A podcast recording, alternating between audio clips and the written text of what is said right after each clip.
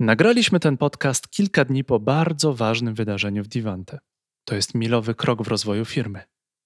Ale gdy obecny CEO przejmował stery, stało przed nim przeogromne wyzwanie. Chcesz wiedzieć, jak zmienić firmę, aby stać się jednym z liderów rynku? Zostań z nami.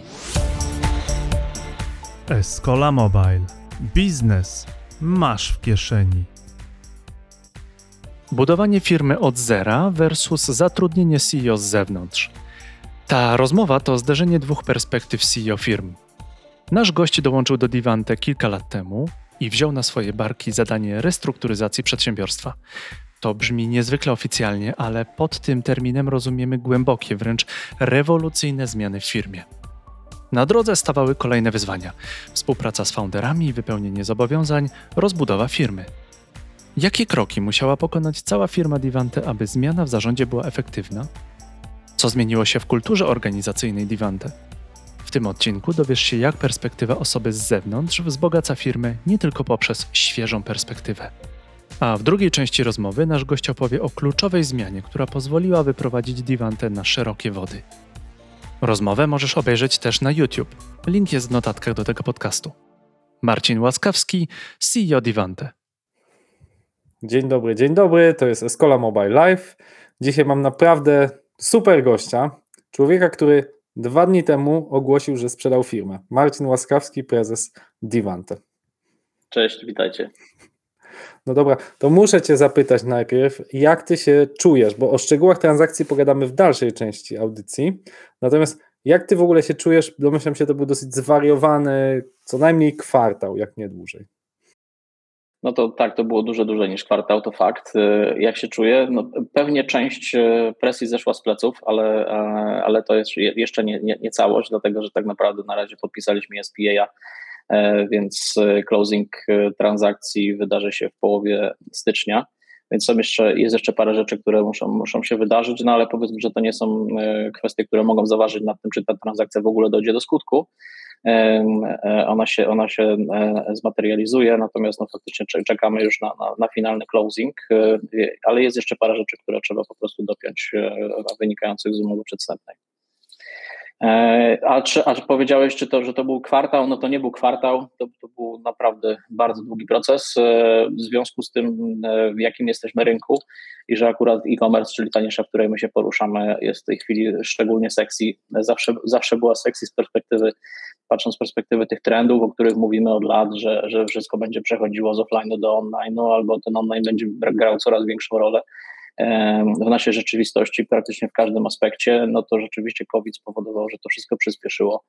E, I, i, I rzeczywiście z perspektywy inwestorskiej staraliśmy się jeszcze bardziej atrakcyjni niż byliśmy rok czy dwa lata temu. Więc też chcieliśmy to wykorzystać i rzeczywiście podeszliśmy do tego procesu mm, e, mocno, mocno skoncentrowani, mocno przygotowani. E, I rzeczywiście rozpoczęliśmy go tak naprawdę jeszcze rok temu, zastanawiając się nad tym, jak do tego podejść, jak to zestrukturyzować, jak powinien wyglądać harmonogram. Rozmawialiśmy z akcjonariuszami E, o tym, jakie są nasze oczekiwania, e, kiedy powinniśmy to wystartować. I tak naprawdę w pierwszym kwartale już e, pracowaliśmy nad, dokumentacją. Zaczynaliśmy mm, wysyłanie teaserów chyba w kwietniu, jak dobrze pamiętam, bo rzeczywiście ten proces już trochę trwał, więc może, może mi się mylić kwiecień z majem albo z marcem. No i rzeczywiście dość szeroko wyszliśmy na rynek, researchując wcześniej, z kim chcielibyśmy potencjalnie pracować. I w efekcie rzeczywiście rozmawialiśmy już tak bardzo konkretnie z, prawie 30 organizacjami z całego świata, e, żeby wybrać tego najlepszego partnera do Livante. No i właśnie, właśnie w efekcie tego e, potem, potem powstała jakaś krótka lista, na, które, na której znalazło się parę firm i z nich e, jedna z nich dostała exclusivity, które właśnie zakończyliśmy sukcesem podpisując umowę w zeszły piątek. Mhm. Czyli jak widać proces, proces długi i skomplikowany, ale chcę tak naprawdę, żebyśmy rozmowę zaczęli od początku. Chcieliśmy pogadać o tym, jak się robi sukcesję i w ogóle powiem też słuchaczom, że poznaliśmy się na, e, na takiej konferencji branżowej e, firm IT, Software House'ów Soda i pamiętam, że e, wystąpienie Marcina zrobiło na mnie duże wrażenie takim bardzo dużym luzem, o którym opowiadałeś, jaki jednak pewną zmianą mojego postrzegania firmy Divante, muszę przyznać, bo wszyscy kojarzą tutaj e, braci Karwatków, którzy są bardzo rozpoznawalnymi marketingowo osobami. Natomiast dzięki Twojemu wystąpieniu zrozumiałem, jak złożony to jest proces sukcesji i jak wiele do powiedzenia ma inwestor.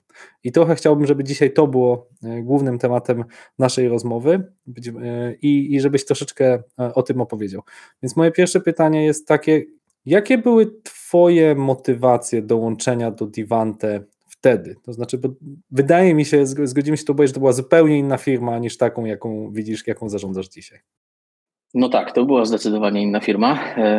Ba bardzo daleka od tego, jak, jak, jak wygląda Divante dzisiaj. Faktycznie, e, jakie były motywacje, to jakby często w życiu, jak to mówią, rzeczy wydarzają się przez przypadek. E, choć ja patrząc na to z perspektywy trochę innej, bo jestem wieloletnim praktykującym, medytującym człowiekiem, e, potrafię na to spojrzeć z trochę innej perspektywy, wszystko co mnie otacza.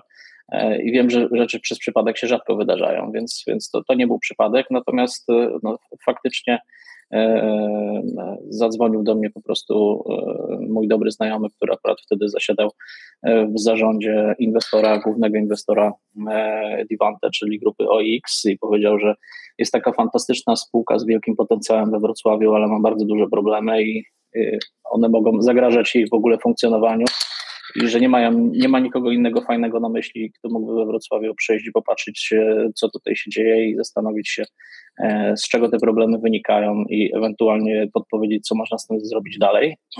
Ja, jako że byłem wtedy zajęty zupełnie innymi rzeczami. Przerwę Ci tu, Marcin. Jakimi rzeczami byłeś zajęty? Bo chciałbym, żeby też, też dać tło, tak? Czyli jakby mamy trzy podmioty. Mamy podmiot, i to ważne, ty, ty to nazwałeś wprost, były pewne problemy, o ten zaraz wątek rozwiniemy, bo, bo no powiem szczerze, mieliśmy tutaj Tomka Karwatkę i on o tym no, wspomina rzadziej, jakby ja to też rozumiem, e, jako founder, jako CEO, natomiast jakby nie oszukujmy się, życie to nie jest pasmo sukcesów, tak jak my dzisiaj postrzegamy Divante. Tak? tak więc mamy kwestię, mamy, mamy sytuację inwestora, mamy sytuację inwestora, który widzi, że nie wszystko idzie idealnie, trzeba jakiegoś twistu strategii i mamy osobę, która ma dołączyć jako zawodowy CEO, która ma tą sytuację poprawić. Więc e, kim e, trzeba być, co trzeba doświadczyć, żeby tym e, zawodowym CEO, do którego dzwoni inwestor być? Chciałbym, żebyś trochę powiedział o dwa słowa o swoich wcześniejszych doświadczeniach. Czy one były e-commerce'owe, czy było raczej menedżerskie? One były, były raczej menedżerskie, chociaż e-commerce'owe też epizody były wcześniej w mojej karierze. Ja generalnie zaczynałem w dużym międzynarodowym konsultingu, Czyli na początek był, był Arthur Andersen, e, to jeszcze taka spółka dla, dla, dla tych młodszych e, osób, które mogą nie wiedzieć, to niegdyś jedna, jedna chyba, chyba wtedy największa nawet firma konsultingowa, e, niegdyś z Wielkiej Piątki, teraz już mamy tylko Wielką Czwórkę. Potem był taki wielki, wielki Enron case w Stanach Zjednoczonych, który spowodował, że, że Andersen przestał funkcjonować, więc ja zaczynałem jeszcze w tej organizacji, która wtedy była wielka przed Enron case'em. E, i robiąc, robiąc duży konsulting dla, e, dla dużych, e, największych podmiotów w Polsce. Potem był Ernst Young. Po paru latach doszedłem do wniosku, że patrząc na to, jak wygląda ścieżka kariery w takich firmach konsultingowych, że, że wydaje mi się, że powinienem pójść w stronę biznesu i zweryfikować, czy to, czego się nauczyłem, jest czymś wartościowym i czy rzeczywiście można to wdrożyć w codziennym funkcjonowaniu organizacji. E, więc były potem przygody korporacyjne, byłem odpowiedzialny za controlling, za finanse w dużych międzynarodowych organizacjach, e, e, robiłem duże M&A, w sumie to, to ładnych parę miliardów złotych pewnie we wszystkich transakcjach, z którymi miałem do czynienia, przetoczyło się prze, przez moje ręce, więc to były duże deale. Byłem też w spółkach notowanych na giełdzie, w zarządzie, zajmowałem się też inwestycjami w startupy, więc jakby rzeczywiście te doświadczenia wcześniejsze są dość szerokie i z różnych obszarów, i to też jest coś takiego, co pewnie pozwala mi popatrzeć troszeczkę z bird view na organizację, bo widziałem ich wiele e, jako doradca, ale też jako menadżer, więc e, z różnych perspektyw e, jestem w stanie to ocenić. Myślę, że nie bez znaczenia jest też fakt, że, że byłem też przedsiębiorcą, bo też miałem swoje firmy, inwestowałem swoje pieniądze Pierwsze dwie, dwie, dwie firmy założyłem jeszcze na studiach, więc e, to, to, to też jest jakiś tam element, który składa się pewnie na tą, na tą całą układankę, którą dzisiaj jestem jako osoba, jako menadżer zarządzający biznesem. Mhm. Okej, to teraz znowu wracamy do roku 2017, tak? Czy 2016, kiedy dołączasz do Divante i chciałbym, żebyś powiedział, czym była wówczas ta organizacja i, i dlaczego wydawała ci się jednak ciekawa, tak? No bo miałeś, domyślam się, po tym, co opowiedziałeś, tak? Wielka piątka, wielka czwórka, tak? Yy, bogate doświadczenia inwestycyjne, M&A-owe. No, powiedzmy sobie szczerze, miałeś pewnie dużo ofert do wyboru. Dlaczego się zdecydowałeś? Czym cię przekonano? Mm, Branża, bo, bo akurat y, jakby to, to, co robiłem do tej pory, y, nie miało, nie miało wiele wspólnego z IT, a jakby patrząc też na te trendy i to, w którym kierunku zmierzamy, no to jakby wszyscy, dla wszystkich jest jasne, że IT to jest jeden z tych obszarów, który, który, który będzie kluczowy dla nas, jest dzisiaj kluczowy i będzie dla nas jeszcze bardziej kluczowy w przyszłości. Więc to, co mnie przekonało po tych rozmowach z, z kolegą z OX-u do tego, żeby się w ogóle podjąć tego zadania, najpierw wejścia do spółki i zrobienia takiego wstępnego audytu, a potem kontynuowania współpracy, to było tak naprawdę to, że to, to była branża, która dla mnie nie była e, znana, e, co mogło być jakimś wyzwaniem i, i, i pewnie na samym początku też e, dla Tomka i dla Piotrka to, to, to, było dużym znakiem zapytania, czy w ogóle będziemy w stanie znaleźć wspólny język, jeżeli przyjdzie do, do firmy IT ktoś, kto z IT nie miał wcześniej do czynienia. No, ale jakby widać, że to, że to się może udać.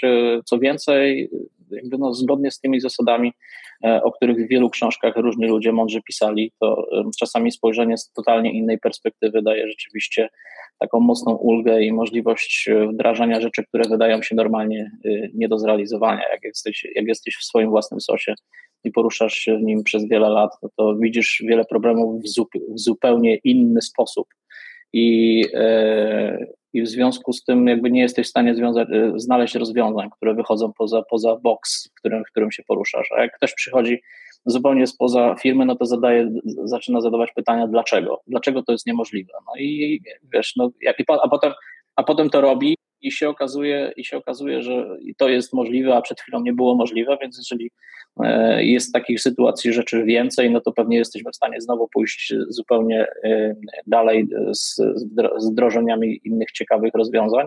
No i tak to postępowało. Po, krok po kroku przechodziliśmy po prostu do, w inne obszary organizacji, gdzie teoretycznie nie dało się nic zrobić, a potem się okazało, że okazywało, że jednak się da. Okej, okay, to właśnie chciałbym, żebyś powiedział o tych pierwszych pytaniach, które dzisiaj pamiętasz, a które wtedy zadawałeś, które zadawałeś wówczas, tak? Znaczy, gdzie było to zanegowanie tego statusu, który się dział wtedy, jakby gdzie się pojawiły nowe akcenty, na które ty zacząłeś zwracać uwagę? Co to było? To jest ciekawe pytanie. Wiesz, że nie mam aż tak dobrej chyba pamięci, żeby pamiętać, o co, o co, o co pytałem na samym początku, jak 4 lata do, temu dołączałem do Divante. Natomiast no, na pewno ten pierwszy okres, przez, przez pierwsze miesiące czy przez pierwszy rok, to Mieliśmy na, na zarządach e, dużo tego typu dyskusji e, i bardzo często różniliśmy się w swoich opiniach e, i to, i to tak dosyć, dosyć drastycznie. Mm. Szły wióry momentami? Więc szły, szły wióry, tak, tak. Tomek, Tomek się śmiał wiele razy, jak żeśmy sobie wspominali, że że, że tak, że, że nasze zarządy przez pierwszy rok były bardzo gorące. No i tak faktycznie było. No ale jakby dzięki temu, że byliśmy w stosunku do siebie szczerzy i mówiliśmy sobie, co myślimy o swoich pomysłach e, i o tym, co do tej pory realizowaliśmy, no to, to szliśmy do przodu, bo, bo, bo gdybyśmy się obrażali na siebie, no to pewnie dzisiaj byśmy nie rozmawiali. Jak, ja, był, ja byłbym gdzie indziej, spółka też pewnie byłaby gdzie indziej. Więc, yy, więc to, to, to na pewno jest jakaś wartość, tak? Jakby oczywiście na to wpływ miała też sytuacja, no bo pewnie gdyby spółka była w innej sytuacji, to też by te rozmowy nasze byłyby trudniejsze na takim poziomie, na jakim rozmawialiśmy, czyli takim rzeczywiście bardzo szczerym. Mhm. Okej, okay. to jeżeli nie pamiętasz konkretnych pytań, to na pewno to są takie obszary, znaczy na pewno, które... To od, tak. razu mogę, mhm. mogę od razu powiedzieć tak, że to, że to było związane, wiesz, na przykład pierwszy, pierwsza podstawowa rzecz, no to model biznesowy, mhm. tak?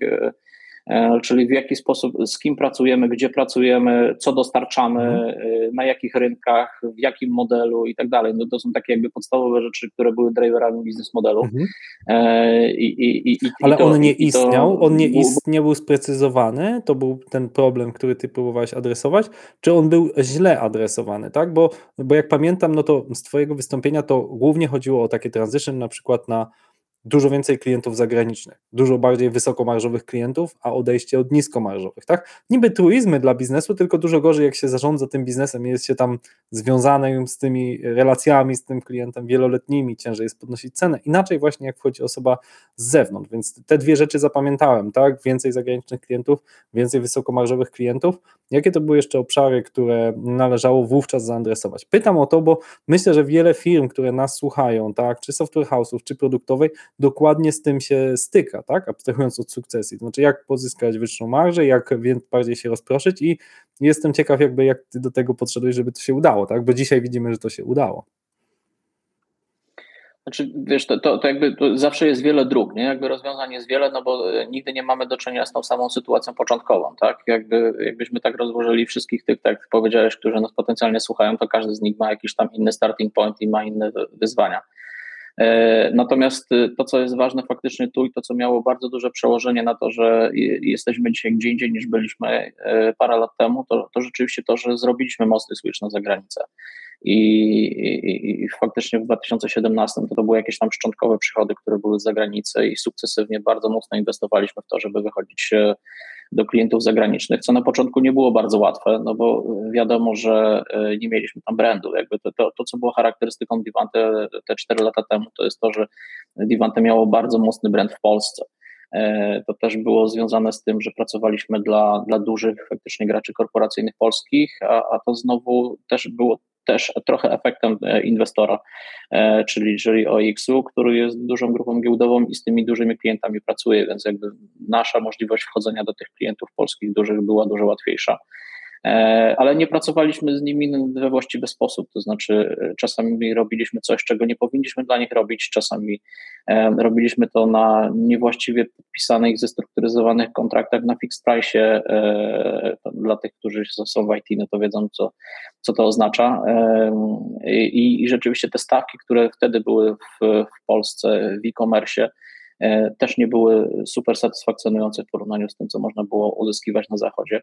E, więc jak zestawiliśmy sobie te wszystkie elementy, do tego dodaliśmy jakąś nie, nieefektywność e, organizacyjną, czyli nie dość, że nie mieliśmy właściwie podpisanych kontraktów, to jeszcze nie byliśmy w stanie dowieść tego, co tam było zapisane więc e, narażaliśmy się na jakieś e, kwestie braku płatności i tak dalej. No i to doprowadziło do tego, że rzeczywiście sytuacja finansowa e, była słaba, żeby nie powiedzieć, że, że, że cashflow, cashflow się po prostu załamywał.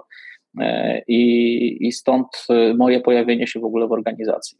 Więc te wszystkie rzeczy, o których mówimy, plus wiele jeszcze innych takich mniejszych, pomniejszych operacyjnych związanych ze strukturą, ze sposobem funkcjonowania, komunikacji, wewnątrz organizacji, ale też celów i strategii, no to były takie rzeczy, które adresowaliśmy e, krok po kroku na samym, na samym początku. Oczywiście najpierw w pierwszych krokach no to adresowaliśmy kwestie związane z cashflowem, bo, bo to było największe zagrożenie e, I, i, i tak jak kiedyś nawet Tomek sam przyznał, że, że to była kwestia jedne, jeszcze jednego niewłaściwie podpisanego kontraktu i Divanta mogło, mogłoby nie być. No i tak rzeczywiście było z perspektywy cashflowowej. Mhm.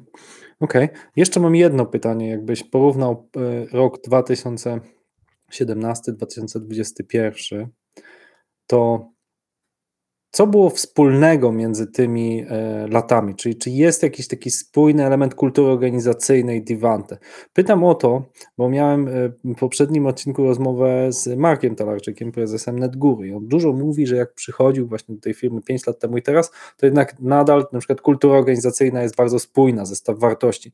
Czy ty też coś takiego widzisz, co ok, firma się zmieniła radykalnie, przestawia się na zagranicznych klientów, mniej robi pewnie fixed price, więcej w oparciu o jakieś godzinowe rozliczenia i długo można by wymieniać, strategia, procesy i tak dalej. Ale czy widzisz jakieś elementy, które sprawiają, że ta firma jest cały czas taka sama i to jest w niej fajne, co ty lubisz, nie? Wiesz co, no oczywiście, że dużo rzeczy bardzo się zmieniło, ale y, są takie rzeczy, które są kluczowe z perspektywy y, zdolności firmy do ciągłego wzrostu. I które były w tej organizacji, które nadal w niej są i nadal będziemy je kultywować i, i nadal będziemy na nie stawiać. Jakby generalnie kultura organizacyjna jest tym takim elementem, który jest na szczycie piramidy.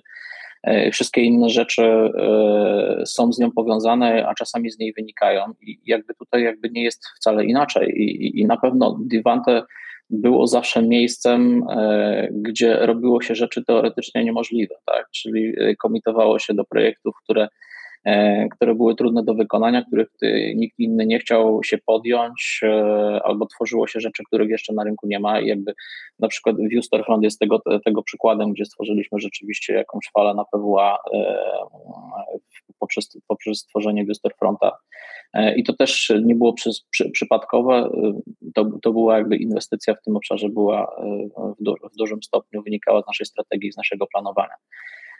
Więc jest tak, że rzeczywiście ten, ten drive i otwartość, zresztą, zresztą my mocno pracowaliśmy nad naszymi wartościami, nad naszą kulturą organizacyjną i i mamy taki culture book stworzony i staramy się go cały czas aktualizować i, i są takie wartości, które są w tej organizacji stałe i, i będziemy w nie cały czas inwestować I, i, właśnie wiecie, otwartość,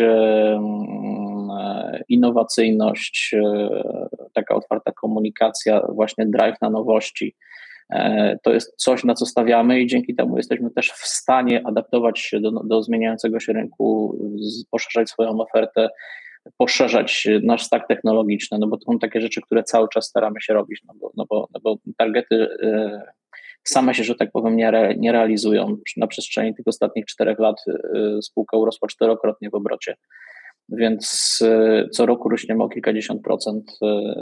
W zeszłym roku podczas tego naj, najmocniejszego uderzenia pandemii też to było prawie 30%, w tym roku to będzie 50%.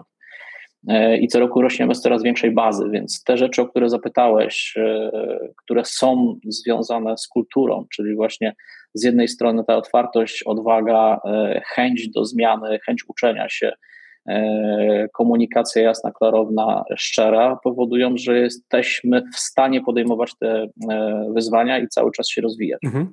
E, okej, okay, mówisz coraz większej bazy, więc chciałbym dać słuchaczom pewne pojęcie, jak duże w tej chwili jest, jaki rozmiar ma w tej chwili Divante, w sensie przychodów i w sensie ilości osób, które pracują. W tej chwili to jak popatrzymy sobie na, na, na Divante razem, czyli można powiedzieć na grupę Divante, e, bez, bez Cloudflighta, no bo tak jak powiedziałeś, jakby jesteśmy już po transakcji i, i teoretycznie jesteśmy już częścią szerszej grupy, e, razem z Cloudflightem i spółkami zależnymi e, od Cloudflighta to już będzie praktycznie tysiąc osób i zaraz pewnie ten tysiąc osób przekroczymy, natomiast samo Divante to jest 350 plus na dzień dzisiejszy, ale w tym też jest e, jedna nasza spółka zależna, Brand Active e, z Rzeszowa, którą przejęliśmy na początku tego roku. Tam jest 30, ponad 30 osób w tej chwili i to jest podmiot, który się specjalizuje we wdrożeniach Shopify Plusa. Okej, okay. a powiedz jeszcze na ile elementem transakcji, no bo teraz jest bardzo głośno w tym momencie o oczywiście o transakcji połączenia się z Cloudflightem, Cloudflightem, natomiast jakby ciekaw jestem na ile elementem strategii było kupowanie innych firm, o czym E, przed chwilą powiedziałaś. Wiesz co, my nieraz się nad tym zastanawialiśmy e, i jakby zastanawialiśmy się nad tym, czy rosnąć organicznie, czy rosnąć przez M&A. E, rośnięcie przez M&A w tej, w tej branży, w której jesteśmy, no, niesie, niesie pewne ryzyka jednak ze sobą, bo, bo często jest tak, że przy tego typu transakcjach okazuje się, że jak nie ma odpowiedniego meczu właśnie te, tego kulturowego, o którym ty mówisz, to, to bardzo dużo ludzi potem odchodzi i okazuje się, że płacisz za coś, czego za chwilę połowy nie ma. E, to nie jest e, produkcja, to nie są linie produkcyjne, to nie jest technologia, to nie są patenty i tak dalej. Więc to, to, to, te wszystkie organizacje e, są oparte tak naprawdę na ludziach. I jeżeli tutaj jest jakiś mismatch, to, to, to, to bardzo jest potem odczuwalne, więc czasami prze, możesz przepłacić za tego typu aktywa, więc to nie są proste transakcje z tej perspektywy. Jeżeli nie ma też jakby alignmentu, jeśli chodzi o, o oczekiwania akcjonariuszy czy udziałowców z jednej i z drugiej strony. Więc y, to, to, to do, do, tego podchodziliśmy bardzo ostrożnie. Y, z drugiej strony, w pewnych obszarach, gdzie byliśmy zawsze silni, y, e-commerce'owo przejmowanie niektórych podmiotów też wiązało się z tym, że mieliśmy kłopot, e, patrząc na to z perspektywy merytorycznej, czyli oprócz tych ryzyk, o których powiedzieliśmy, że część ludzi może nam odejść, to e, rzeczywiście przez to, że zrobiliśmy przejście na, na kierunek zagraniczny, ja obsługuję klientów zagranicznych, w tej chwili 75% naszego obrotu to są klienci zagraniczni, to mieliśmy problem z tym, że duża część mniejszych software house'ów, które, które operują w e-commerce w Polsce, E, pracuję z polskimi klientami i tam niestety umiejętność e, komunikowania się z klientem zagranicznym i też trochę inna specyfika jego oczekiwań e, i też trochę inna specyfika przez to realizacji projektów byłaby też jakimś problemem, który jeszcze bardziej mógłby uwidaczniać te ryzyka związane z, z przejęciami.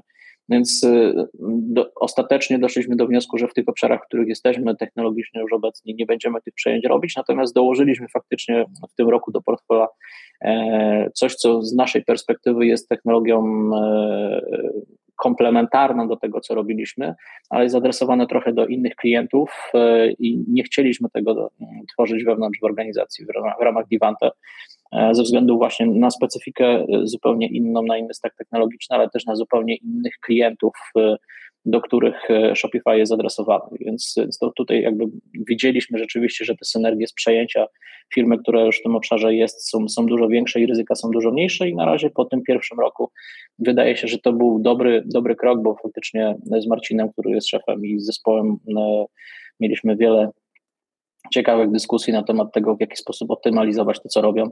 E, mieliśmy, mieliśmy pewne spowolnienie na początku roku e, w Brand Active po to, żeby się rzeczywiście przygotować do tego, żeby wystartował ten biznes troszeczkę szybciej. Nawet dzisiaj mieliśmy rano e, z Marcinem rozmowę i wydaje się, że to zaczyna działać, bo rzeczywiście co miesiąc mamy, mamy rekordowe obroty w Brand Active w tej chwili i 65 albo 70% wzrost obrotów w stosunku do 2020 roku. Brand Active w tym roku pokaże. Świetny wynik. E, słuchaj, to jeszcze chciałbym, żebyś mi powiedział, wchodzisz w pozycję e, tego prezesa te parę lat temu, to jestem ciekaw, w jaki sposób wygląda też akceptacja waszych wspólnych decyzji z założycielami, z founderami i, i twojej, tak? Czy jakby jak ty onboardowałeś się sam do tej organizacji. Bo pamiętam z Twojego wystąpienia, że to był proces kilkuletni, właśnie i to on od początku był zaplanowany, że on musi być dość długi. Więc chciałbym, żebyś opowiedział, jakby z jakimi trudnościami się mierzyłeś. Czy na przykład mogła być taka sytuacja, że rozmawiasz, zapraszasz na rozmowę menedżera, a menedżer nie do końca na przykład uważa, że ty jesteś odpowiednią osobą, no bo przecież założył to Tomek i Piotrek. Pytam o takie jakieś szczegóły, czy były takie spory? Czy były dla ciebie jakieś takie trudności? A może wręcz przeciwnie, może ktoś do ciebie powiedział coś innego, czyli świetnie, że jesteś, bo ja już od trzech lat próbuję przebić się z takim a takim komunikatem i nikt mnie nie słucha. Wiesz co, myślę, że to jedno i drugie było obecne, tak, w codziennym funkcjonowaniu tej organizacji, no, no bo by, były takie osoby, które bardzo się cieszyły z tego, że przychodzi ktoś z innym spojrzeniem, E, i, i, i e, szybko podejmujący decyzje, które nie są wcale oczywiste, e, ale było też sporo osób, które, które byli, były mocno przywiązane do, do funkcjonowania w bliskiej korelacji z Piotrem Listomkiem i, i przyzwyczajeni też do tego, że, że jakby no większość decyzji wtedy rzeczywiście czterema rękami się odbywała w tej organizacji. I to jest coś, z czym też się mierzyliśmy i sukcesywnie z tym, z tym walczyliśmy, żeby jakby organizacja zrozumiała, że jest więcej osób, które podejmują decyzje z jednej strony, a z drugiej strony potem w kolejnym kroku staraliśmy się budować ten silny, drugo, silną drugą linię menedżerską, do której coraz więcej stopniowo przekazywaliśmy odpowiedzialności po to, żeby rzeczywiście e, można było powiedzieć, że, że, że ta firma bez e, tych topowych e, osób na samej górze też jest w stanie dalej funkcjonować. Więc, więc często, się to, często się tak zdarzało, jeszcze tak ostatnim zdaniem na samym początku, że, e, że ja z kimś rozmawiałem, podejmowałem jakieś decyzje i jak one były niepopularne albo komuś nie pasowały, to rzeczywiście ktoś potem próbował przez Piotra lub przez Tomka do mnie zapukać. Natomiast no, ja jestem dosyć asertywną osobą E, więc to, to nie był prosty proces i myślę, że szybko też się ludzie przekonali, że jak mówimy, to raczej staramy się mówić jednym głosem, a potem, żeśmy sobie te tematy załatwiali wspólnie na, w pokoju na zarządach. e, jak to zrobić, ażeby tym jednym głosem mówić. No właśnie, to jest chyba taka zasada, którą ostatnio usłyszałem, czyli disagree and commit, czyli że nawet jeżeli się nie zgadzamy, tak, bo mamy trochę inne poglądy, to jak już podejmiemy wspólnie jakąś decyzję jako zarząd, to idziemy nią, nawet jeżeli ja personalnie się e, nie zgadzam. Czy też jakby mieliście takie ustalenia, że ok, disagree, but commit, nie? Nieważne, nie zgadzam się, ale jeżeli tak ustaliliśmy, to robimy to tak czy siak. No wiesz, co to jest kluczowe, no bo, bo, bo w przeciwnym razie to masz, okazuje się, że zamiast jednego punktu na horyzoncie, do którego wszyscy w organizacji powinni dążyć, to jest tych punktów parę, tak? I, i to nigdy nie wpływa na efektywność. Także e, tutaj rzeczywiście e, starali, staraliśmy się e, wymieniać poglądy i spojrzenie na rzeczywistość najpierw w swoim gronie i dopiero potem to komunikować, a, a potem jak już to zakomunikowaliśmy, to zbyt często tego nie zmieniać. I to też, było, to też była praca, tak? bo, bo, bo jakby chłopaki są przyzwyczajeni do tego, że mają taką żyłkę startuperską. Jakby żyłka startuperska polega na tym, że e, jesteś w stanie bardzo szybko e, zmieniać podejście do rzeczywistości, zmieniać strategię, adaptować się i tak dalej. I teraz to jest fajne, no ale na pewnym poziomie rozwoju organizacji e, może to być już kłopot, tak? No bo jeżeli tych osób jest więcej niż kilkanaście i nie jesteś w stanie się ze wszystkimi face to face komunikować, i przekonać się, że wszyscy rozumieją, dlaczego to się wydarza, no to robi się pewien, pewien miszmasz organizacyjny. I teraz jak firma, im firma jest większa, tym to, to jest bardziej kluczowe, ale ażeby rzeczywiście wyznaczać jakieś cele, i potem potwierdzać tej organizacji, że cały czas dążymy do tych celów, a nie, że, że jednym, jednego dnia mówimy, słuchajcie, nasz kierunek jest tam i tam biegniemy, a za dwa dni mówimy, nie no, byliśmy frajerami, to zupełnie bez sensu, bo powinniśmy biec tam. E, I, jakby przy większych organizacjach tego, ten sposób komunikacji powoduje, że za chwilę wszyscy siedzą i nic nie robią, bo, bo wiedzą, że okej, okay, no to dzisiaj mówią, że mamy biec tam, ale prawdopodobnie jutro będą mówili, że mamy biec tam, więc posiedźmy, mniej się zmęczymy, a i tak będziemy za chwilę w tym samym miejscu. Więc to, to, jest, to, to, to też było jedno z wyzwań, które, z którymi się e, zetknąłem, jak przyszedłem do, do tej organizacji.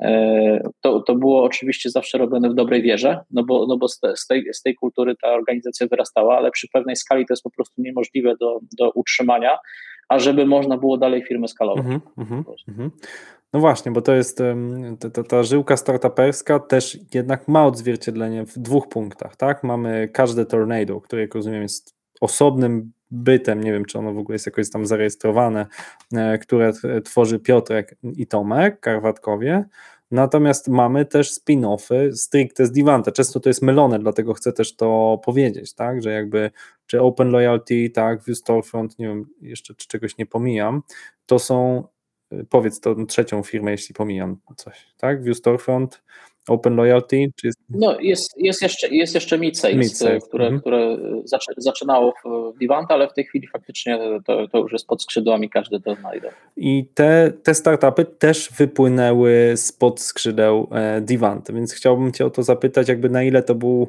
no powiedzmy sobie wprost, element strategii e, grupy Divante, czy, czy jeszcze szerzej OX, a na ile jakby była to chęć jakiegoś takiego możliwości dajścia ujścia niektórym osobom e, z wewnątrz organizacji, żeby mogły robić coś ekstra, tak? Jakby to wiem, że trudne pytanie.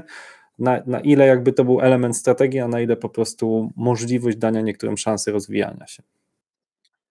Znaczy tak naprawdę to dwa, dwa w jednym, natomiast to drugie, o czym powiedziałeś, to jest dopiero efektem tego pierwszego, tak? No bo by, by, byłoby, byłoby dosyć, wiesz, stawianiem świata do góry nogami, gdybyśmy mówili, że będziemy tworzyli spółki produktowe po to, żeby e, ludzie mogli się czymś zająć, tak? To, to, to jakby nie, nie, w tym, nie, w tym, nie w tym kierunku to wszystko dąży. Natomiast faktycznie, jak e, zastanawialiśmy się, w, jaki sposób e, spowodować, że będziemy w stanie mieć jakieś USPsy na, na rynkach zagranicznych, czyli mieć rzeczywiście jakieś wyróżniki, które spowodują, że nie będziemy musieli się bić ze wszystkimi tylko i wyłącznie o stawkę. No nie była taka nasza intencja, jakby jak myśleliśmy o strategii wychodzenia na zagranicę, no to chcieliśmy się mocno specjalizować, rzeczywiście stawać się ekspertem w pewnych obszarach i dzięki temu być w stanie windować e, stawki, a y, nie korzystać tylko i wyłącznie na tym, że wychodzimy za granicę i na tym upside, który powstaje w tym momencie, kiedy wychodzimy, no bo potem cały czas e, już bylibyśmy na pewnym poziomie i tylko inflacyjnie moglibyśmy dalej podnosić stawki, a to jakby to, to nie dawałoby nam tego długoterminowego efektu wzrostu, no to y, zastanawialiśmy się, czym możemy się wyróżnić od firm podobnych do nas, które funkcjonują na tych rynkach, do, do których aspirowaliśmy i, i, i, i tutaj y, myśleliśmy też o tym z perspektywy y, koniecznych środków, które są do zainwestowania, żeby ten efekt osiągnąć. E, I stąd powstały właśnie pomysły na, na produkty, e, no bo rzeczywiście, jak większość firm naszych konkurentów są, jest czysto usługowymi tylko i wyłącznie organizacjami.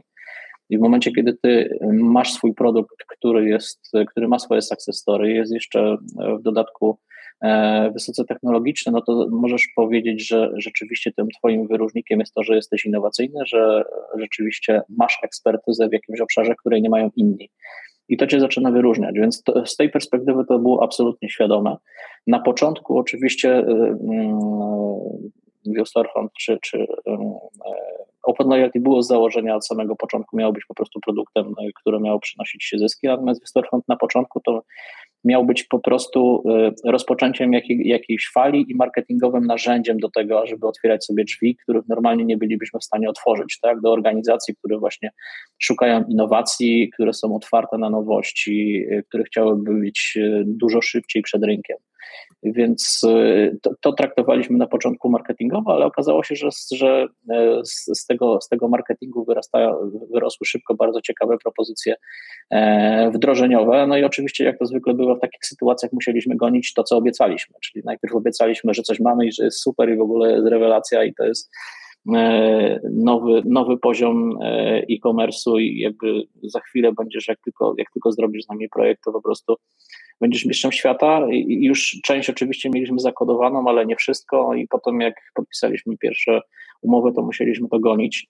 E, no ale tak się często rozwija produkty, więc to chyba nie jest żadna, żadna nowość. E, I to spowodowało, że, że potem doszliśmy do wniosku, że rzeczywiście mm, e, po pierwsze ta fala na PWA, która powstała w efekcie Wisterfronta i, i paru konkurentów dodatkowych które, e, którzy, którzy byli w tym rynku.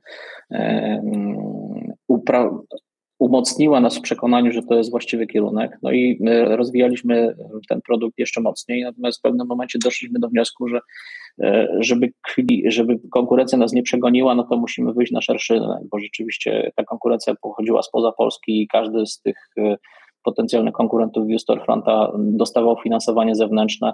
E, my nie mieliśmy wewnętrznie takiej e, możliwości e, inwestowania aż tak dużo w ten produkt z jednej strony, z drugiej strony akcjonariusze nie byli zainteresowani, żeby zwiększać finansowanie ze środków Divante na, na dalszy rozwój produktu. To były naprawdę bardzo duże środki, które były potrzebne zarówno na, na, na, na poszerzanie zakresu funkcjonalnego produktu, jak i na marketing globalny. I podjęliśmy decyzję, że będziemy szukali finansowania na zewnątrz y, i stąd y, te, te spin-offy, o o, których, o które pytasz. No i faktycznie Viewster Fund jest super przykładem, że rzeczywiście to bardzo dobrze zagrało e, no bo po paru miesiącach y, zrobiliśmy spin-off już pod dwóch inwestorów polskich, którzy weszli do dokapitalizowali spółkę, no ale potem bardzo szybko zespół founderzy E, uzyskali, dostali się do, do Y Combinatora, czy, czy to, to myślę, że wszyscy wiemy, czym jest Y Combinator i to jest też tak wytrych, który spowodował, że można było się dużo szybciej otworzyć na rundę A. E, no i, i to o tym też pewnie już czytaliście, że rzeczywiście w rundzie A to w sumie chyba to było po 9 miesiącach, od kiedy dokonaliśmy spin-offu e, Fronta z Divante, e, zamknęli, zamknęli chłopcy rundę pozyskując no, wycenę rzędu 63 milionów dolarów wtedy, więc, więc naprawdę, naprawdę grubą. Pierwszy, pierwsza dziesiątka chyba runda w Polsce na ten moment, więc, więc no, jest, to, jest to na pewno, na pewno sukces. Open Loyalty jest też bardzo ciekawym produktem i, i właśnie w tym momencie wydzielamy go y, z Divante y, trochę takim samym tropem jak Dystrofront nie, nie dalej jak jutro. Mhm. Właśnie mam notariusza chyba w tym, w tym zakresie. Gratuluję. E, ale właśnie chciałem o tym powiedzieć, bo to mnie dało do myślenia. Tomek Karwatka na swoim profilu mm, pochwalił się, że wartość transakcji to jest 260, około z, z, z z, to jest około 260 milionów złotych. E, zakładam, że transakcja była tam w euro, więc pewnie tam można jakoś tam to przeliczyć. E, strzelam, że nie wiem, koło, około 40 milionów euro i tam mieliśmy 40 wartość przedsiębiorstwa, nie, źle policzyłem, około 60 milionów euro wychodzi w przybliżeniu i tam mieliśmy 60 milionów dolarów. Do czego zmierzam? Jakby porównajmy waluację ogromnie zarabiającej spółki, tak, dywidendowej, która zarabia, jak rozumiem Marcin, kilkanaście milionów, tak, to będzie łagodne kilkanaście milionów EBITDA w tym roku, tak, względem firmy, która jakby dopiero szuka finansowania, robi rundę A, które są porównywalne. Mnie osobiście, jako osobę, która postrzega spółki dojrzałe i inwestowała w startupy, prowadziła startupy, jednak mnie to zaszokowało, tak, jak bardzo rozgrzany jest rynek startupów, że jest w stanie na tej samej waluacji. Oczywiście czym innym jest transakcja typu exit i to też warto, żeby osoby, które nas słuchają to zauważyły, tak? Czym innym jest transakcja typu exit, a czym innym jest transakcja typu dofinansujemy coś, ale przy wycenie danej, to, to są inne, inne poziomy wycen. Niemniej jednak no wartość transakcji e, e, w Storefronta to jest porównywalna, w sensie wartość, wycena porównywalna z tym, co mamy tutaj w przypadku Divanta. Nie, nie wiem, jak ty do tego podchodzisz, czy też się dziwisz, czy postrzegasz to jako naturalne i jakoś skomentujesz tutaj dla słuchaczy. To znaczy, wiesz co, czy się, czy się dziwię? Y, pewnie dwa albo trzy lata temu, jakbyśmy popatrzyli na ten rynek, to bym się dziwił. Natomiast y, post-covidowo to się nie dziwię, no bo to nie jest jedna, jedyna tego typu transakcja, która pokazuje, że, że rzeczywiście nadmiar pieniędzy na rynku y, inwestycyjnym jest tak duży, że rzeczywiście spółki potrafią osiągać gigantyczne wyceny na bardzo wczesnych etapach. Mm, tutaj plusem na pewno jest to, że, że w momencie jak, jak Booster Fund był wydzielany, no to tam już był biznes, tak? Czy, czyli tam już były, już były przychody, już były licencje, to nie był biznes, e, w który inwestorzy wchodzili tylko i wyłącznie na podstawie kartki papieru jakiegoś tam wydevelopowanego kodu, ale to już rzeczywiście było coś, co, co, co zarabiało pieniądze. Więc na pewno to, to był jakiś plus, no ale faktycznie z perspektywy takiego czystego porównania cashu, który jest generowany, no to to są nieporównywalne no bo rzeczywiście my tutaj generujemy całkiem e, dobrą gotówkę, e, a, e, a tam no, to, to, to, to tak naprawdę inwestorzy kupują przyszłość, tak, I, i no, ale też kupują produkt, który, który ma przy, uzyskiwać przychody z licencji, więc wiemy, że E, w pewnym momencie rzeczywiście ta skala powoduje, że, że rentowność takiej inwestycji rośnie gigantycznie. Więc, I to jest w tej chwili uwzględnione w tej, w tej po prostu. Mhm. A czy miałbyś jakiś taki dwie, trzy porady e, dla venture builderów? To jest taka nowa kategoria, która właściwie szerokim echem została usłyszana po wpisie w Forbesie, po artykule w Forbesie z dwa miesiące temu, kiedy pojawił się jakaś taka pierwsza próba zdefiniowania zestawienia najlepszych inwestycji, tak, e, tych venture builderów. Tam się pojawił Daft Code, e, chyba Tar Heel Capital i właśnie Divante. I to było ocenione w dosyć rozsądny sposób, w takim sensie, że tylko były pod uwagę brane te transakcje, gdzie nastąpiła kolejna runda, tak? I jakby wartość tej kolejnej rundy mhm. była istotna. No bo to, że ktoś zainwestował pieniądze, to fajnie, ale tylko jeśli pojawia się ta kolejna runda, to jest uwiarygodnienie tego, że ktoś faktycznie chce, chce w to dalej inwestować. I ciekaw jestem, jakby jak, jakby jak ty w tej kategorii e, odnajdujesz biznes, co byś radził tym, bo jedną z takich spółek jest moja Escola. My też mamy cztery spółki zależne, jedna z nich jest e, dość dobrze zarabiająca. Zresztą w pewien sposób biznesowo podobna do View Storefronta, bo jest to headlessowy, ale LMS, to, czyli Learning Management System, też headlessowy już na około milion zysku zrobił w pierwszym roku działalności, także też bardzo duży tu potencjał widzę. E, I dlatego pytam Cię też personalnie, prezes prezesa, jak Ty widzisz potencjał rynku venture buildingu? Czy to zawsze musi się skończyć wyekstrahowaniem spółki, czy może, jak niektórzy też widzą, można to rozwijać wewnętrznie? Od czego to e, zależy? Wiesz to, no zawsze, e, tak jak, tak jak to chyba te, te, tak jak powiedzieliśmy sobie wcześniej, nie? że jakby każda sytuacja jest inna, więc, więc tutaj nie da się stworzyć jednego scenariusza, który zawsze będzie idealnym scenariuszem. Już abstrahuję od tego, jaki jest Twój biznes, jaki jest Twój biznes model, i, bo, to, bo to też ma znaczenie, ale też no, są jacyś udziałowcy. Tak? Jeżeli jest tylko jeden udziałowiec czy jeden akcjonariusz, no to to jest oczywiście łatwiejsze i możemy wtedy wykreślić z tej listy decyzyjnej potencjalnych wpływów na to, czy, czy to ma taki, a nie inny kierunek czy takie inne szanse, ten element, y, że jeszcze wszyscy akcjonariusze muszą się zgodzić co do kierunku, w którym to ma podążać. E, natomiast jeżeli jeszcze oni są w tej układance, no to to się staje jeszcze, jeszcze trudniejsze w tym wszystkim. I teraz y, ja akurat nie czytałem tego artykułu generalnie przez ostatnie parę miesięcy, to niewiele miałem czasu na to, żeby cokolwiek czytać, bo w większości czasu byłem na, na różnych kolach międzynarodowych, ale wiesz co, czy, czy, czy y, jest taki, wydaje mi się, że jest taki moment, gdzie e, Oczywiście to teraz też pytanie, co jest tą czapą kapitałową, bo jeżeli czapą kapitałową jest spółka, która rzeczywiście ma nieograniczone możliwości generowania gotówki, czyli spółka produktowa, która ma kolejną, kolejny jakiś produkt w środku, to pewnie to jest prostsze. U nas to było o tyle trudniejsze, że spółka usługowa ma produkt. Tak? To w ogóle nie jest bardzo proste do połączenia, bo niewiele jest takich spółek usługowych, które są w stanie wydevelopować z sukcesem produkty. Więc to też jest jakaś tam y, unikalna umiejętność, którą Divante na, na, na, na etapie swojego e, wzrostu od początku uzyskało. Ale e, jeżeli jesteś w stanie generować ten wystarczający cash na to, żeby ten produkt rósł, no to możesz to robić w środku. Natomiast e, wydaje mi się, że, że jeżeli chcesz działać, żeby to rzeczywiście było wielkim sukcesem, no to musisz zawsze myśleć globalnie. No, a jeżeli chcesz myśleć globalnie, to te środki są potrzebne y, dużo większe niż te, które jesteś w stanie wewnętrznie generować. E, e, jeżeli mówimy o, te, o firmach tej skali, jaką jest Divante czy, czy, czy, czy Escola, więc e, wyjście i popatrzenie na rynek zagraniczny zawsze jest dobrym wejściem, dobrym rozwiązaniem, wydaje mi się, dlatego że to, to ci daje też perspektywę innych inwestorów, którzy dołączają. Oni ci pomagają, bo im zależy na tym, żeby te twoje inwestycje rosły. To już nie tylko tobie zależy, ale zaczyna zależeć wielu różnym stronom na to, na to, na to żeby ten sukces się pojawiał. E, nie ma też takiego ryzyka konkurencyjnego, no bo, no bo jeżeli rzeczywiście jesteś w niszy e, czy w obszarze, który jest, jest z wysokim potencjałem, to, to nawet jak tych konkurentów w tej chwili nie ma, to oni za chwilę się pojawią i pojawią się pewnie dobrze sfundowani, więc jeżeli ty nie będziesz miał jednocześnie dużych środków na to, żeby inwestować, no to zaraz cię przegonią.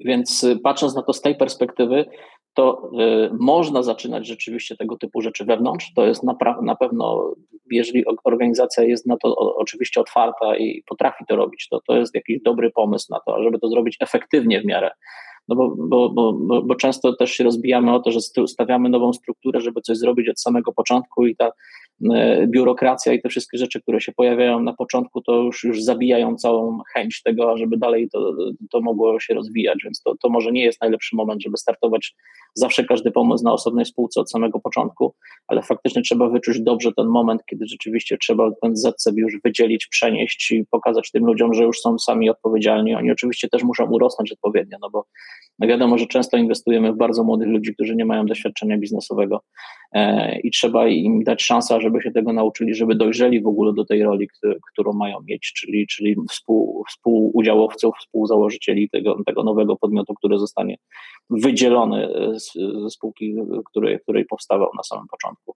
Więc z mojej perspektywy zawsze to jest dobry kierunek, bo, bo jeżeli to ma być globalne, to potrzebuje dużego finansowania, a y, to, to zawsze wsparcie E, z funduszy, które, które w tej chwili mają bardzo dużo pieniędzy, nie oszukujmy się. E, mój kolega z, z zarządu e, mówi, że znowu przy jakiejś tam rozmowie ktoś mu powiedział ostatnio, że jeżeli lodowce będą się topiły w najbliższych latach, to nie, nie dlatego, że będzie globalne ocieplenie, tylko że dlatego, że jest tak dużo pieniędzy na rynku, które szukają ujścia, że że to będzie topiło. Po prostu temperatura tego e, naporu e, środków finansowych będzie topiła lodowce. No i coś w tym jest rzeczywiście, no widać, że, że tych pieniędzy jest ogromnie dużo i dlatego też te waluacje i te mnożniki tak szybują. To jest to, o, o co pytałeś wcześniej. Więc jeżeli masz naprawdę dobry pomysł i potrafisz to sprzedać, jeżeli do tego jeszcze złożysz dobry zespół, który jest w stanie to frontować, e, no to, to, to, to może być success story. Na pewno teraz jest na to bardzo dobry moment. A jeżeli to jest jeszcze w jakikolwiek sposób zapięte o e-commerce no, w dzisiejszych czasach, to to zdecydowanie wzrasta prawdopodobieństwo sukcesu. No e-commerce i e-learning e, to, to są w ogóle też zbieżne tematy, bo oba na pandemii wystrzeliły w kosmos. Nie? Więc e, tutaj jest dużo, dużo podobieństw i technologicznych. No, z tym, że e-commerce akurat technologicznie jest bardziej zaawansowany, ale to jeszcze będę miał osobną serię na ten temat.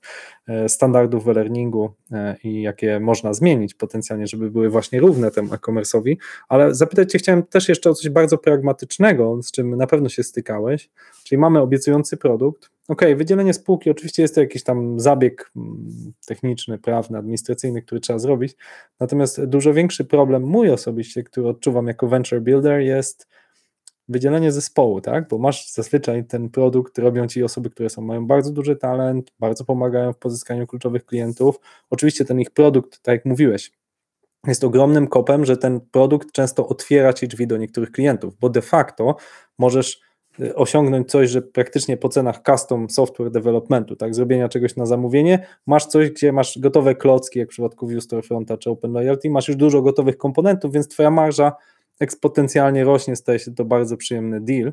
Natomiast po drugiej stronie musisz odpuścić bardzo często świetnych zawodników do innego klubu. Jak ty rozgrywałeś ten dylemat?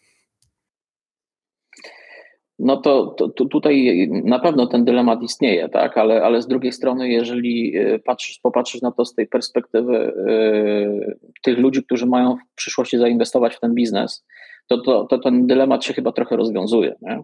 Y, no bo, no bo y, jeżeli widzisz w tym rzeczywiście potencjał, poświęciłeś na to czas i pieniądze zainwestowałeś to i chciałbyś, żeby to dalej się rozwijało, no to nie dasz te, te, tego byle komu, bo jeżeli to dasz byle komu, to po pierwsze, a, y, albo nic z tego nie będzie i to upadnie tak czy inaczej, albo ty będziesz musiał być w to bardzo zaangażowany, a to jakby no, robienie czegoś takiego polega też na tym, że trzeba mm, budować to na zespole, który jest w stanie się usamodzielnić i to dosyć szybko.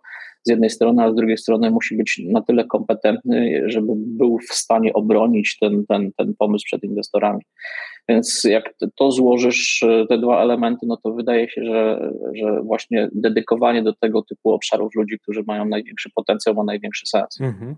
Okay. Czyli jakby warto jednak tych ludzi, no mówiąc wprost, oddać, tak? Oddać do tej spółki produktowej i zaufać im, że w przyszłości ta inwestycja, bo, bo Divante w tym momencie jest jakby strategicznym inwestorem w tych spółkach, no przyniesie to eksponencjalny wzrost, tak? Mówiąc bardzo biznesowo, tak? Bo to też, też chodzi o to, żeby patrzeć na to, że nie możemy ludziom, chcemy ludziom zrobić dobrze, no ale bez przesady, tak?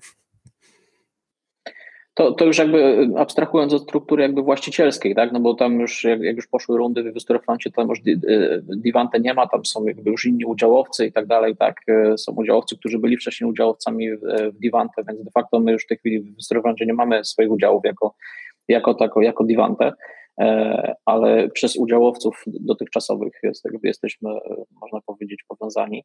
Natomiast e, no, wydaje mi się, że po, trzeba na to patrzeć z takiej perspektywy, że na koniec dnia, jeżeli to, ty, ty, ty jesteś venture builderem, e, no i masz tych ludzi w swojej organizacji, zastanawiasz się, czy wyjąć ich do swojej innej organizacji, no to na koniec dnia to oni cały czas budują wartość dla ciebie.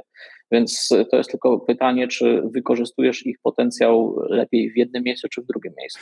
A ja chciałem Cię zapytać, y, Jakie są plany na najbliższy czas? To znaczy, powiedziałeś trochę o transakcji, natomiast to nie jest bynajmniej sposób na zamknięcie mm, tej drogi. Ja spodziewam się, że masz pewnie mm, podpisaną jakąś umowę, żeby kontynuować swoją misję e, w tej organizacji nie krócej niż x lat, więc chciałbym, żebyś powiedział, jakie są Twoje plany na 2022, 2022-2023 e, rok.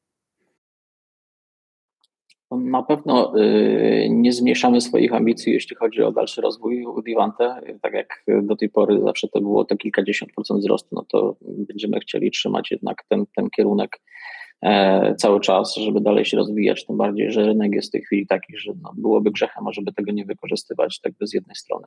Z drugiej strony, tak jak powiedziałem, e, za Cloudflightem stoją inwestorzy finansowi, którzy też wiemy, że mają jakąś swoją perspektywę inwestycyjną, e, więc oni też mają swój plan na wyjście z tej inwestycji, więc każdy będzie chciał zwiększać wartość portfela.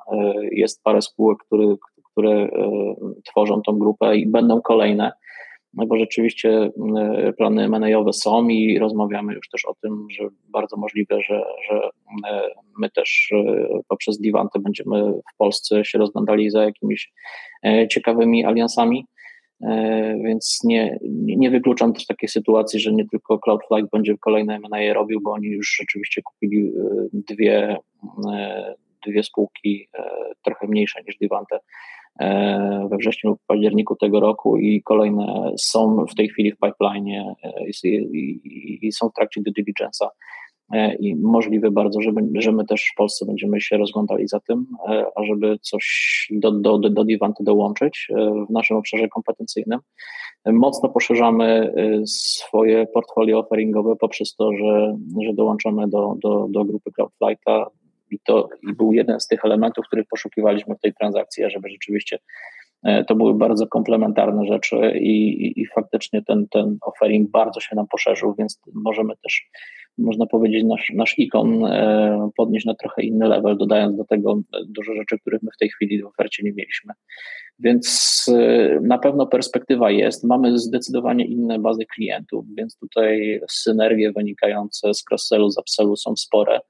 E, organizacje mają swoje różne doświadczenia, więc też na poziomie mm, takich synergii czysto operacyjnych będziemy też szukali pewnej efektywności ale przez to też, że jakby funkcjonujemy w zupełnie innych obszarach offeringowych, no to pewnie ta nasza, nasza niezależność każdej z tych spółek w ramach grupy będzie jednak cały czas bardzo duża.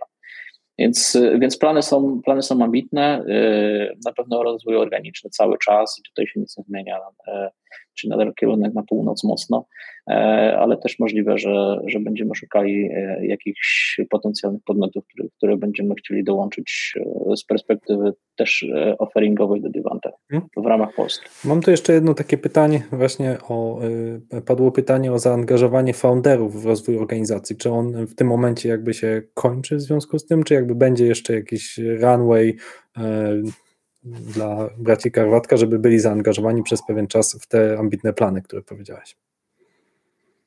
Czyli jednym z elementów e, tego, tego, tej całej transakcji przygotowywaliśmy się tak naprawdę już od dwóch lat do, do, do, do, do albo akcjonariusze się przygotowywali do wyjścia z Divante przez ostatnie dwa lata wszyscy. E, I jakby mieliśmy też świadomość tego, że, że kupujący będzie oczekiwał e, sprzedaży 100% udziałów i tak też się w tej transakcji dzieje. Także nikt z obecnych akcjonariuszy nie zostaje w akcjonariacie. Tomka i Piotra operacyjnie w spółce już od, od zeszłego roku nie ma tak naprawdę. I dlatego jest, bo zapytałeś wcześniej o Catch the Tornado, ja tu jakby się nie czuję, wiesz, E, odpowiednim osobom, żeby opowiadać o tym, co chłopaki robią w ramach Catch, catch the Tornado, ale na pewno robią to, co w sercu im gra, czyli e, starają się po prostu w ramach e-commerce'u pomagać e, różnym ciekawym przedsięwzięciom biznesowym, ażeby się rozwijały i to jakby to jest na pewno coś, co, co mają głęboko we krwi, w czym są świetni, także w ogóle jakbym pewnie w e-commerce chciał coś robić e, i miał jakiś ciekawy pomysł, to na pewno bym skorzystał z, z ich pomocy, bo, bo, bo, bo, to jest rzeczywiście z jednej strony coś, co bardzo lubią, a z drugiej strony coś, w czym mają bardzo duże doświadczenie. E, ale, ale z perspektywy czysto diwantyjskiej, no to rzeczywiście zaangażowanie wszystkich akcjonariuszy wraz z transakcją się kończy już tak definitywnie na poziomie właścicielskim, na poziomie operacyjnym, tak jak powiedziałem, no to ono się już zakończyło jakiś czas temu dla, dla Piotra i Tomka. Także ale, ale też wiem z drugiej strony, y, tak, że jakby kwestia y, produktów to jest, tak jak mówiłem, to, co zawsze im grało w sercu i, i, i to chyba nie jest y, coś, czym bardzo się martwią, że nie będą musieli być zaangażowani w firmę usługową ani jeden dzień dłużej. Tak, tak bym odpowiedział na Twoje pytanie. Dzięki, dzięki Marcin e, za to, e, że się podzieliłeś z nami e, tymi informacjami. Wydaje mi się, że naprawdę takich wywiadów jak ten to jest bardzo mało, kiedy ktoś tak szczerze dzieli się parę dni po dużej transakcji, duże, duża historia Twoja na temat sukcesji, skonwertowania Twojego doświadczenia, wiesz, na, no, można powiedzieć, ogromną tranzycję, tak, transition, która dokonała się w Divante w ciągu tych E, czterech, e, pięciu lat, także szapobaza to dla Ciebie. Czego byś życzył mm, tym ludziom, którzy nas słuchają, to są menedżerowie różnych organizacji, nie tylko e-commerce'owych, founderzy, czego życzysz na 2022 rok? Myślę, że przede wszystkim, e, żebyśmy się przestali bać. Wiesz, to chyba jest takie najważniejsze przesłanie, te, które, które powinniśmy powtarzać ludziom od pewnie jakiegoś półtora roku i przez kolejne niestety lata ze względu na tą retorykę, która jest cały czas we wszystkich mediach e, tutaj pokazywana. E, to jest bardzo ważny element, który ludzie zawsze muszą mieć z tyłu głowy i jakby jak mają jakieś problemy i zastanawiają się, co dalej zrobić ze swoim życiem albo ze swoimi firmami, to powinni usiąść na chwilę, zamknąć oczy, e, podnieść się ponad e, tą całą rzeczywistość, popatrzeć na to z bird view i po prostu przestać się bać, tak? E, Bo, bo nigdy nie jesteś w stanie efektywnie funkcjonować, podejmować właściwych decyzji, jeżeli jesteś w strachu. Więc to, to, to chyba tego wszystkim życzę. Jak przestaniemy się bać i zaakceptujemy to, że, że świat musi się toczyć, toczyć dalej bez względu na to, czy będziemy mieli COVID-18, 64 czy 59, to nie ma żadnego znaczenia. To, to będzie nam się po prostu łatwiej wszystkim żyło, będziemy łatwiej akceptowali to, co nas otacza i przez to będziemy wszyscy jechali do przodu z uśmiechami, miejmy, miejmy nadzieję na twarzy, no bo chyba to, to jest w tym wszystkim najważniejsze. Jakby nie, nie po to tu jesteśmy, E, nie po to żyjemy, żeby się bać i żeby się smucić, tylko po to, żeby cały czas się rozwijać z uśmiechem na twarzy i oprócz tego, że, że, że mieć blizny na plecach, to żeby mieć też z tego trochę radości. No, a w takich warunkach, jak wszyscy nas wszystkim straszą, to to jest trudne faktycznie do, do, e, do realizacji, więc, więc jak najwięcej wyciszenia, e, dystansu, perspektywy, i optymizmu co do przyszłości. To jeżeli miałbym komuś życzyć, to, to, to chyba to, to są takie rzeczy, które są najważniejsze. A jakby ktoś, ktoś e, miał podobne problemy jak, e, albo wyzwania, jak my mieliśmy, to zawsze zachęcam może do mnie napisać na LinkedInie. Jak tylko będę miał chwilę czasu, to, to mogę zawsze pomóc i parę rzeczy podpowiedzieć. Dzięki Marcinie. Dzięki za Twój czas. Dla wszystkich powodzenia w realizacji planów biznesowych i osobistych. Dzięki, dzięki również. Cześć. Escola Mobile. Biznes masz w kieszeni. Dziękujemy za Twój czas i za Twoją uwagę. Escola to po portugalsku szkoła, a w szkole dzielimy się wiedzą. I właśnie po to tworzymy ten podcast. Zapraszamy do niego ciekawych ludzi, którzy łączą wiedzę, technologię i biznes. Rozmowy nagrywamy i wypuszczamy dalej w postaci podcastu albo wideokastu, aby każdy mógł się zainspirować do nauki, tworzenia, zmiany. Dzielimy się wiedzą. Jeśli używasz ekosystemu Apple bądź Spotify, daj nam 5 gwiazdek i opowiedz o tym podcaście Twoim znajomym. Dzięki Twoim ocenom algorytm pokocha nas jeszcze bardziej i częściej poleci nas nowym słuchaczom. A właśnie dzięki tym gwiazdkom pomagasz nam dzielić się wiedzą, czyli realizować naszą misję. To był 99. odcinek podcastu Escola Mobile. Gościliśmy Marcina Łaskawskiego, CEO Divante. Do usłyszenia.